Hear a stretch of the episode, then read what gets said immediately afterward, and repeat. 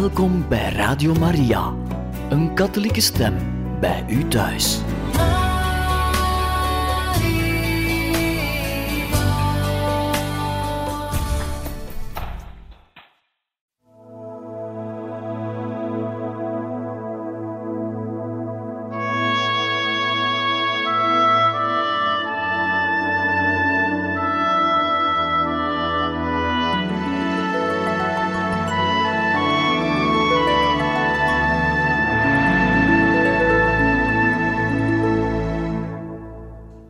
Vrienden, beste luisteraars van Radio Maria.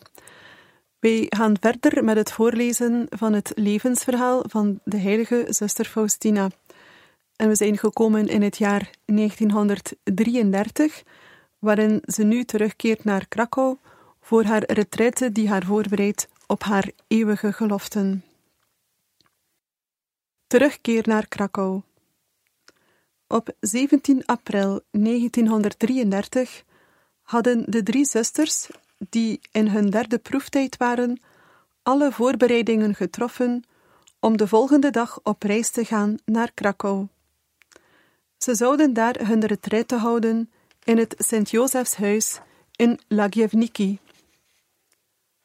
Toen Faustina de kapel binnenging om Jezus voor de zegeningen van de afgelopen vijf maanden te danken, hoorde ze hem zeggen: mijn dochter, heb vrede. Ik neem al deze dingen zelf op mij. Ik zal alle dingen regelen met je oversten en met de biechtvader. Spreek tot pater Andras met dezelfde eenvoud en hetzelfde vertrouwen als waarmee je tot mij spreekt. Het was voor de zusters een grote vreugde om terug te zijn in Krakau waar ze de eerste stappen in het geestelijke leven gezet hadden. Faustina merkte dat Maria Josefa Berosa, de novicenmeesteres, nog net zo vrolijk en liefdevol was als altijd.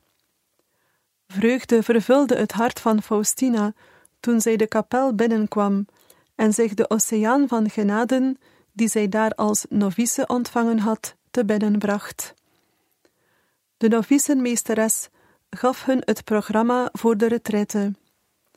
Terwijl ze aan het woord was, zag Faustina alle goede dingen die deze moeder voor hen gedaan had, aan zich voorbij trekken.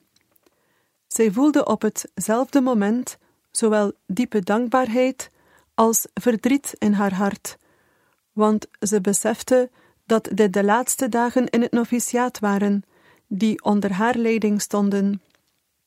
Ze dacht: Nu moet ik samen met Jezus strijden, met Jezus werken, met Jezus lijden. In één woord: leven en sterven met Jezus.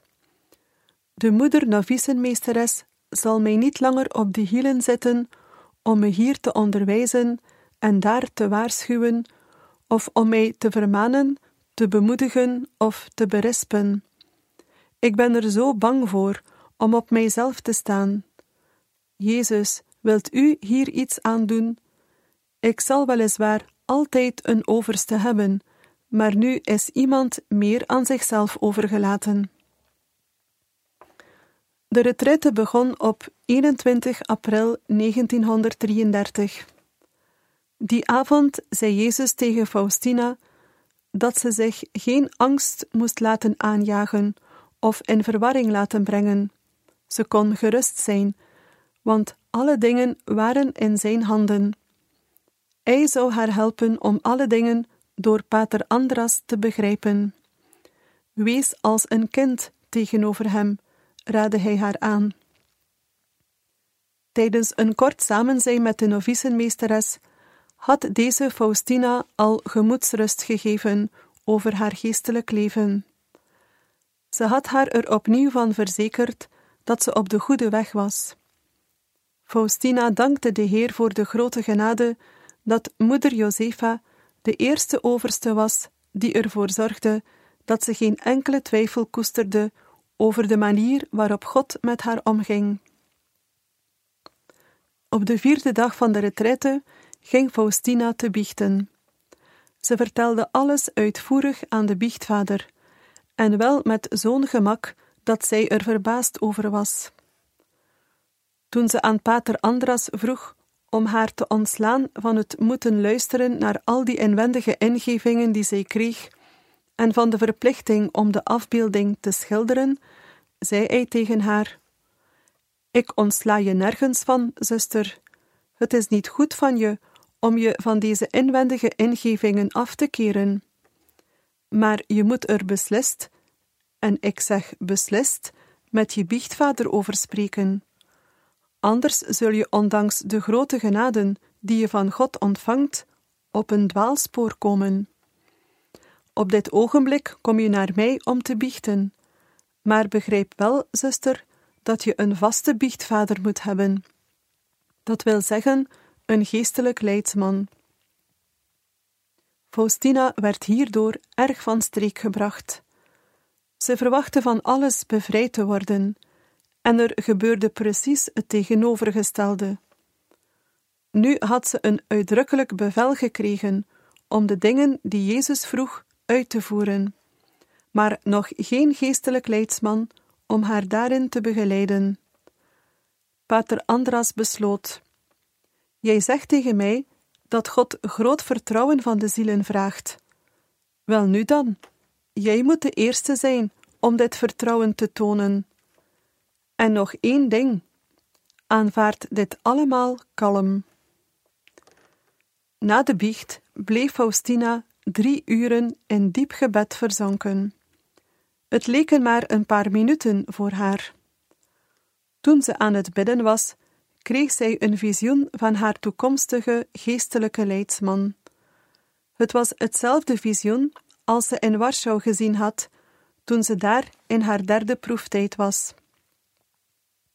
Faustina was nu door deze twee visioenen en door de zekerheid dat ze door pater Andras ontvangen had, bemoedigd.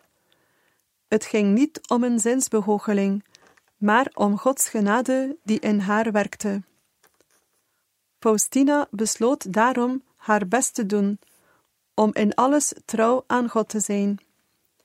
De volgende passages, die uit een veel langere lijst van voornemens genomen zijn, tonen aan hoe groot de intensiteit was waarmee zij dat wilde gaan doen.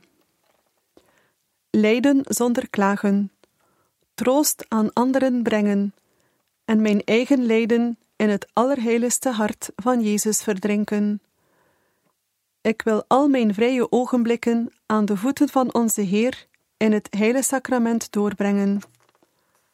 Aan de voeten van Jezus wil ik licht, troost en kracht zoeken. Ik wil God onophoudelijk mijn dankbaarheid voor Zijn grote barmhartigheid over mij laten zien en nooit de gunsten vergeten die Hij mij verleend heeft, in het bijzonder de genade van een roeping niet. Ik wil mij onder de zusters verbergen als een klein viooltje onder de lelies. Ik wil bloeien voor mijn Heer en Maker, mezelf vergeten en mezelf geheel ontledigen omwille van de onsterfelijke zielen. Dit is mijn vreugde. Ik moet weinig aandacht schenken aan wie er voor mij en wie er tegen mij is. Ik moet aan anderen niet vertellen over die dingen die ik moet dulden. Ik moet vrede en gelijkmoedigheid bewaren in tijden van lijden. Op moeilijke ogenblikken moet ik de toevlucht nemen tot de wonden van Jezus. In de wonden van Jezus moet ik mijn troost, bemoediging, licht en bevestiging zoeken. Midden in de beproevingen wil ik proberen de liefdevolle hand van God te zien. Niets is zo voortdurend aanwezig als lijden. Het houdt de ziel altijd trouw gezelschap. O Jezus, ik zal mij door niemand in het liefhebben van U laten overtreffen. O Jezus, ik verlang naar de redding van onsterfelijke zielen. In het offer kan mijn hart zich vrij uitdrukken, in offers die niemand zal vermoeden. Ik wil branden en ongezien verteerd worden in de heilige vlammen van de liefde van God. De tegenwoordigheid van God zal mij helpen om mijn offer volmaakt en zuiver te doen zijn. Tijdens een heilig uur van aanbidding voor het heilige sacrament dacht Faustina over haar ellende na en bad. Wat er aan goed is in mij, is van u, o Heer. Maar omdat ik zo klein en ellendig ben, heb ik het recht om op uw grenzeloze barmhartigheid te rekenen. Op de avond, voordat ze de eeuwige geloften aflegde, riep ze de hemel, de aarde en de hele schepping aan om God te danken voor de zo grote en onbegrijpelijke genade om de eeuwige geloften te mogen afleggen. Faustina hoorde toen de woorden: Mijn dochter, jouw hart is mijn hemel. Nadat ze nog een paar minuten gebeden had, werd Faustina met spoed naar bed gestuurd door de zusters, die de kapel, de eetkamer, de zaal en de keuken voor de grote dag in gereedheid brachten. Maar ze kon niet in slaap komen. De vreugde verdreef de slaap. Ze dacht: Als God mijn ziel hier in de ballingschap al zo verzadigt, hoe zal het dan wel niet in de hemel zijn?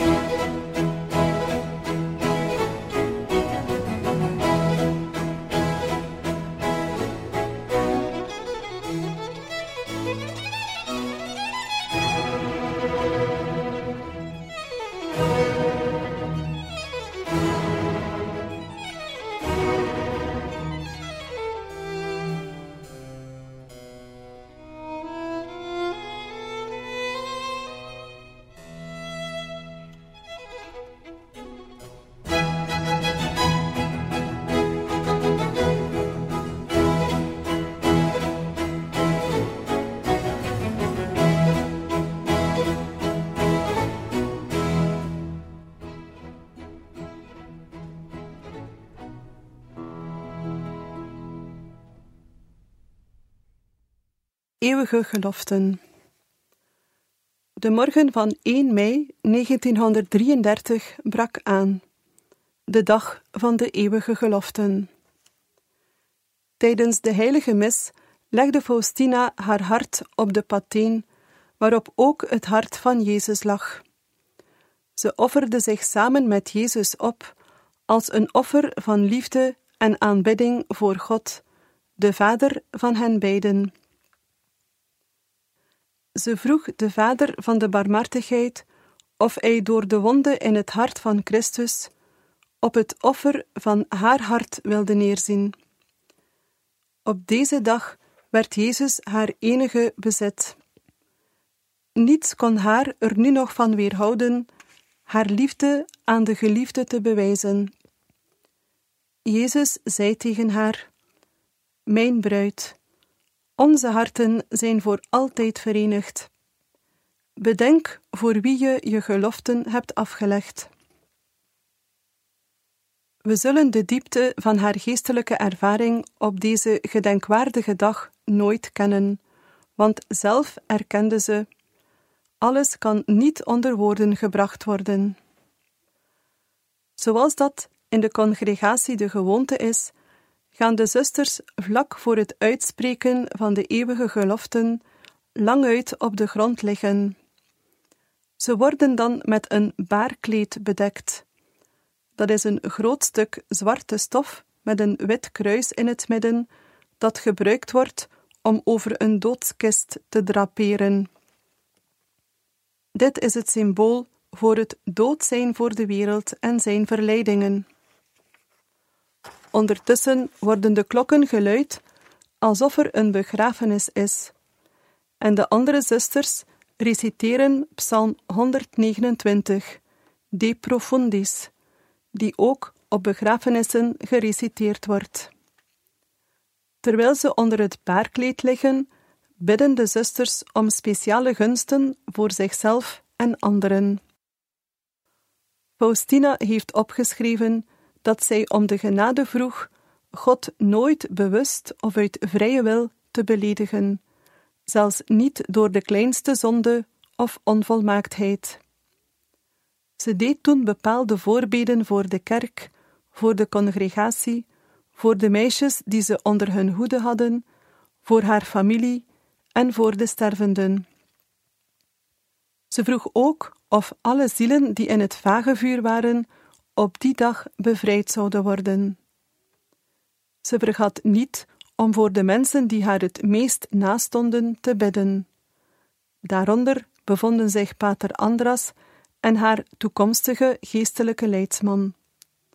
Tot slot bad ze: Voor mijzelf vraag ik, Heer, vorm mij geheel in uzelf. Houd in mij een heilige ijver voor uw eer in stand. Geef mij de genade en de geestelijke kracht om in alle dingen uw heilige wil te doen. In tijden van strijd en lijden, van duisternis en stormen, van vurig verlangen en verdriet, in tijden van zware beproevingen, in tijden waarin niemand mij zal begrijpen en waarin ik zelfs door iedereen veroordeeld en veracht zal worden, zal ik aan de dag van mijn eeuwige geloften denken, de dag van Gods onbegrijpelijke genade. De hoofdcelebrant, bisschop Stanislaus Rospont, besprenkelde de zusters die op de grond lagen met wijwater en zei toen: Sta op, jij die dood bent voor de wereld, en Jezus Christus zal over je lichten. De kerk was volledig gevuld met zusters, pupillen, genodigden en familieleden van de zusters die de kloostergeloften aflegden. Er waren geen gasten voor Faustina. Haar familie kon zich de uitgave niet veroorloven. Faustina zei tegen een zuster dat ze blij was dat ze deze dag alleen met Jezus kon doorbrengen. De woorden die de bisschop uitsprak toen hij haar de ring gaf, maakten zo'n indruk op haar dat ze die opgeschreven heeft. Ik verloof je met Jezus Christus, de Zoon van de Allerhoogste Vader. Moge Hij je onbesmet bewaren. Neem deze ring als een teken van het eeuwige verbond dat je met Christus, de bruidegom van de maagden, aangaat. Moge het voor jullie de ring van het geloof en het teken van de Heilige Geest zijn, zodat je de bruid van Christus genoemd mag worden. En als je hem trouw dient, in alle eeuwigheid als zodanig gekroond mag worden. Een paar dagen later schreef ze iets op dat licht werpt op de oorzaak van het feit dat ze zo onder de indruk was. Wat ik doorleefde in de ogenblikken waarop ik mijn eeuwige geloften aflegde, kan ik beter ongezegd laten. Ik ben in hem en hij in mij. Terwijl de bisschop de ring aan mijn vinger deed, vervulde God mijn hele wezen. Omdat ik dat moment niet onder woorden kan brengen, zal ik erover zwijgen. Sinds mijn eeuwige geloften is mijn relatie met God vertrouwelijker dan ze ooit tevoren geweest is. Ik voel dat ik God lief heb en dat Hij mij lief heeft. Nu ik God eenmaal gesmaakt heb, zou mijn ziel niet zonder Hem kunnen leven. Eén uur in de grootste dorheid van geest aan de voet van het altaar doorgebracht, is mij meer waard dan honderd jaar wereldse genoegens. Ik wil liever een gering sloofje in het klooster dan een koningin in de wereld zijn. De ernst waarmee Faustina deze laatste stap opvatte, namelijk dat ze haar doel bereikte om in de congregatie van de zusters van Ons Lieve Vrouw van Barmhartigheid een zuster te zijn die de eeuwige geloften heeft afgelegd, wordt uit de volgende passage duidelijk. Dit jaar 1933 is voor mij een bijzonder plechtig jaar, omdat ik dit jubeljaar van het lijden van de Heer mijn eeuwige geloften heb afgelegd. Ik heb mijn offer op een bijzondere manier met het offer van de gekruisigde Jezus verbonden, om zo welbehagelijker voor God te zijn. Ik doe alle dingen met Jezus, door Jezus en in Jezus. Zoals al eerder vermeld is, was Faustina er bang voor om het noviciaat met de zichtbare steun van de novicenmeesteres te verlaten. Ze bedacht dus het volgende plan, waardoor ze het zich kon veroorloven, als het ware, altijd in het noviciaat te blijven. Ze schreef: O Jezus, verborgen in het heilige sacrament, u ziet dat ik met het uitspreken van mijn eeuwige geloften het noviciaat vandaag verlaat. Jezus, u weet hoe zwak en klein ik ben. Ik treed dus vanaf vandaag op een zeer bijzondere manier in uw noviciaat in. Ik blijf een novice, maar uw novice, Jezus. U zult mijn meester zijn tot op de laatste dag. Dagelijks zal ik aan uw voeten naar uw onderricht luisteren. Ik zal nog niet het kleinste ding uit mezelf doen, zonder u eerst als mijn meester te raadplegen. Jezus, hoe gelukkig ben ik dat u mij getrokken hebt en in uw noviciaat hebt aangenomen. Dat betekent in het tabernakel. Door het afleggen van mijn eeuwige geloften ben ik in geen geval een volmaakte non geworden. Nee, nee, ik ben nog steeds een zwakke kleine novice van Jezus, en ik moet er naar streven de volmaaktheid te bereiken, zoals ik dat in de eerste tijd van het noviciaat deed. Ik zal alles in het werk stellen om dezelfde zielsgesteldheid te bewaren als die ik had toen de kloosterpoort op die eerste dag openging om mij toe te laten. Met het vertrouwen en de eenvoud van een klein kind geef ik mezelf vandaag aan U, o Heer Jezus, mijn Meester. Ik laat U de volledige vrijheid in het besturen van mijn ziel. Leid me over de wegen die U wilt.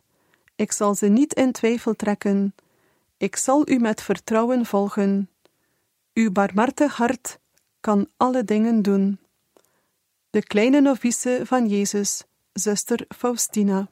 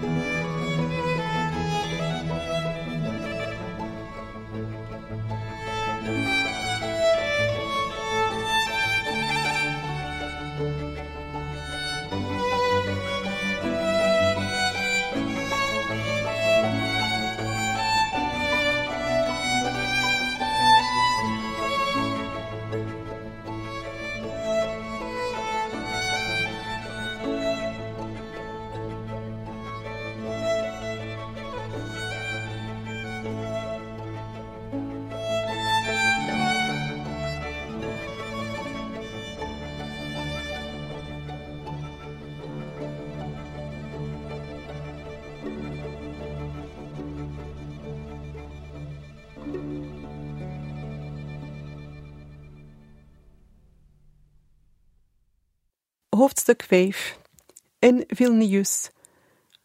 De periode van 1933 tot 1936. Tussen de benoemingen. Faustina bleef als enige van de groep die de eeuwige geloften had afgelegd in Krakau achter, zonder dat ze een benoeming had gekregen. Het viel haar generaal-overste op hoe rustig Faustina dit uitstel opnam. Toen deze een opmerking maakte over Faustina's geduldigheid, antwoordde de nieuwe zuster: Ik wil alleen Gods wil doen, moeder. Als u mij gelast ergens heen te gaan, wil ik graag weten dat dat niets anders is dan de wil van God, zonder dat ik daar van mijn kant iets aan toegevoegd heb. Het antwoord van de generaal-overste hierop was uitstekend. De volgende dag ontbood moeder haar en zei haar dat ze, ze wilde immers de zuivere wil van God doen, naar Vilnius gestuurd werd om er het werk van de tuinierster over te nemen. In afwachting van de dag van haar vertrek bood Faustina uit zichzelf aan om in Krakau in de tuin mee te helpen. Omdat ze dit soort werk zelfstandig kon uitvoeren en haar tijd zelf kon indelen, besloot ze om tevens gedurende dertig dagen de geestelijke oefeningen van Sint Ignatius te doen. Door het houden van deze geestelijke oefeningen ontving ze veel inzicht van God. Op de dag van haar vertrek ging Faustina bij pater Andras biechten. Zijn woorden stelden haar gerust. Er zal je geen kwaad overkomen als je in de toekomst dezezelfde eenvoud en gehoorzaamheid blijft behouden. Heb vertrouwen op God. Je bent op de goede weg en in goede handen, in Gods handen. Maar was zij dat inderdaad? Die avond zei ze in haar gebed tegen de Heer dat ze hier iemand gevonden had die haar begreep, en nu moest ze die achterlaten. Wat moest ze in Vilnius beginnen? Ze kende er niemand. Zelfs de taal was vreemd voor haar. De Heer stelde haar opnieuw gerust. Vrees niet, ik zal je niet alleen laten. Toen ze bleef bidden, en nu de Heer dankte voor alle genaden die hij haar door Pater Andras had gegeven, herinnerde ze zich plotseling het visioen waarin zij die priester had gezien die tussen de biechtstoel en het altaar stond. De priester die zij op een dag zou ontmoeten. De woorden die zij toen gehoord had, stonden haar opeens weer levendig voor de geest. Hij zal je helpen om mijn wil hier op aarde te volbrengen.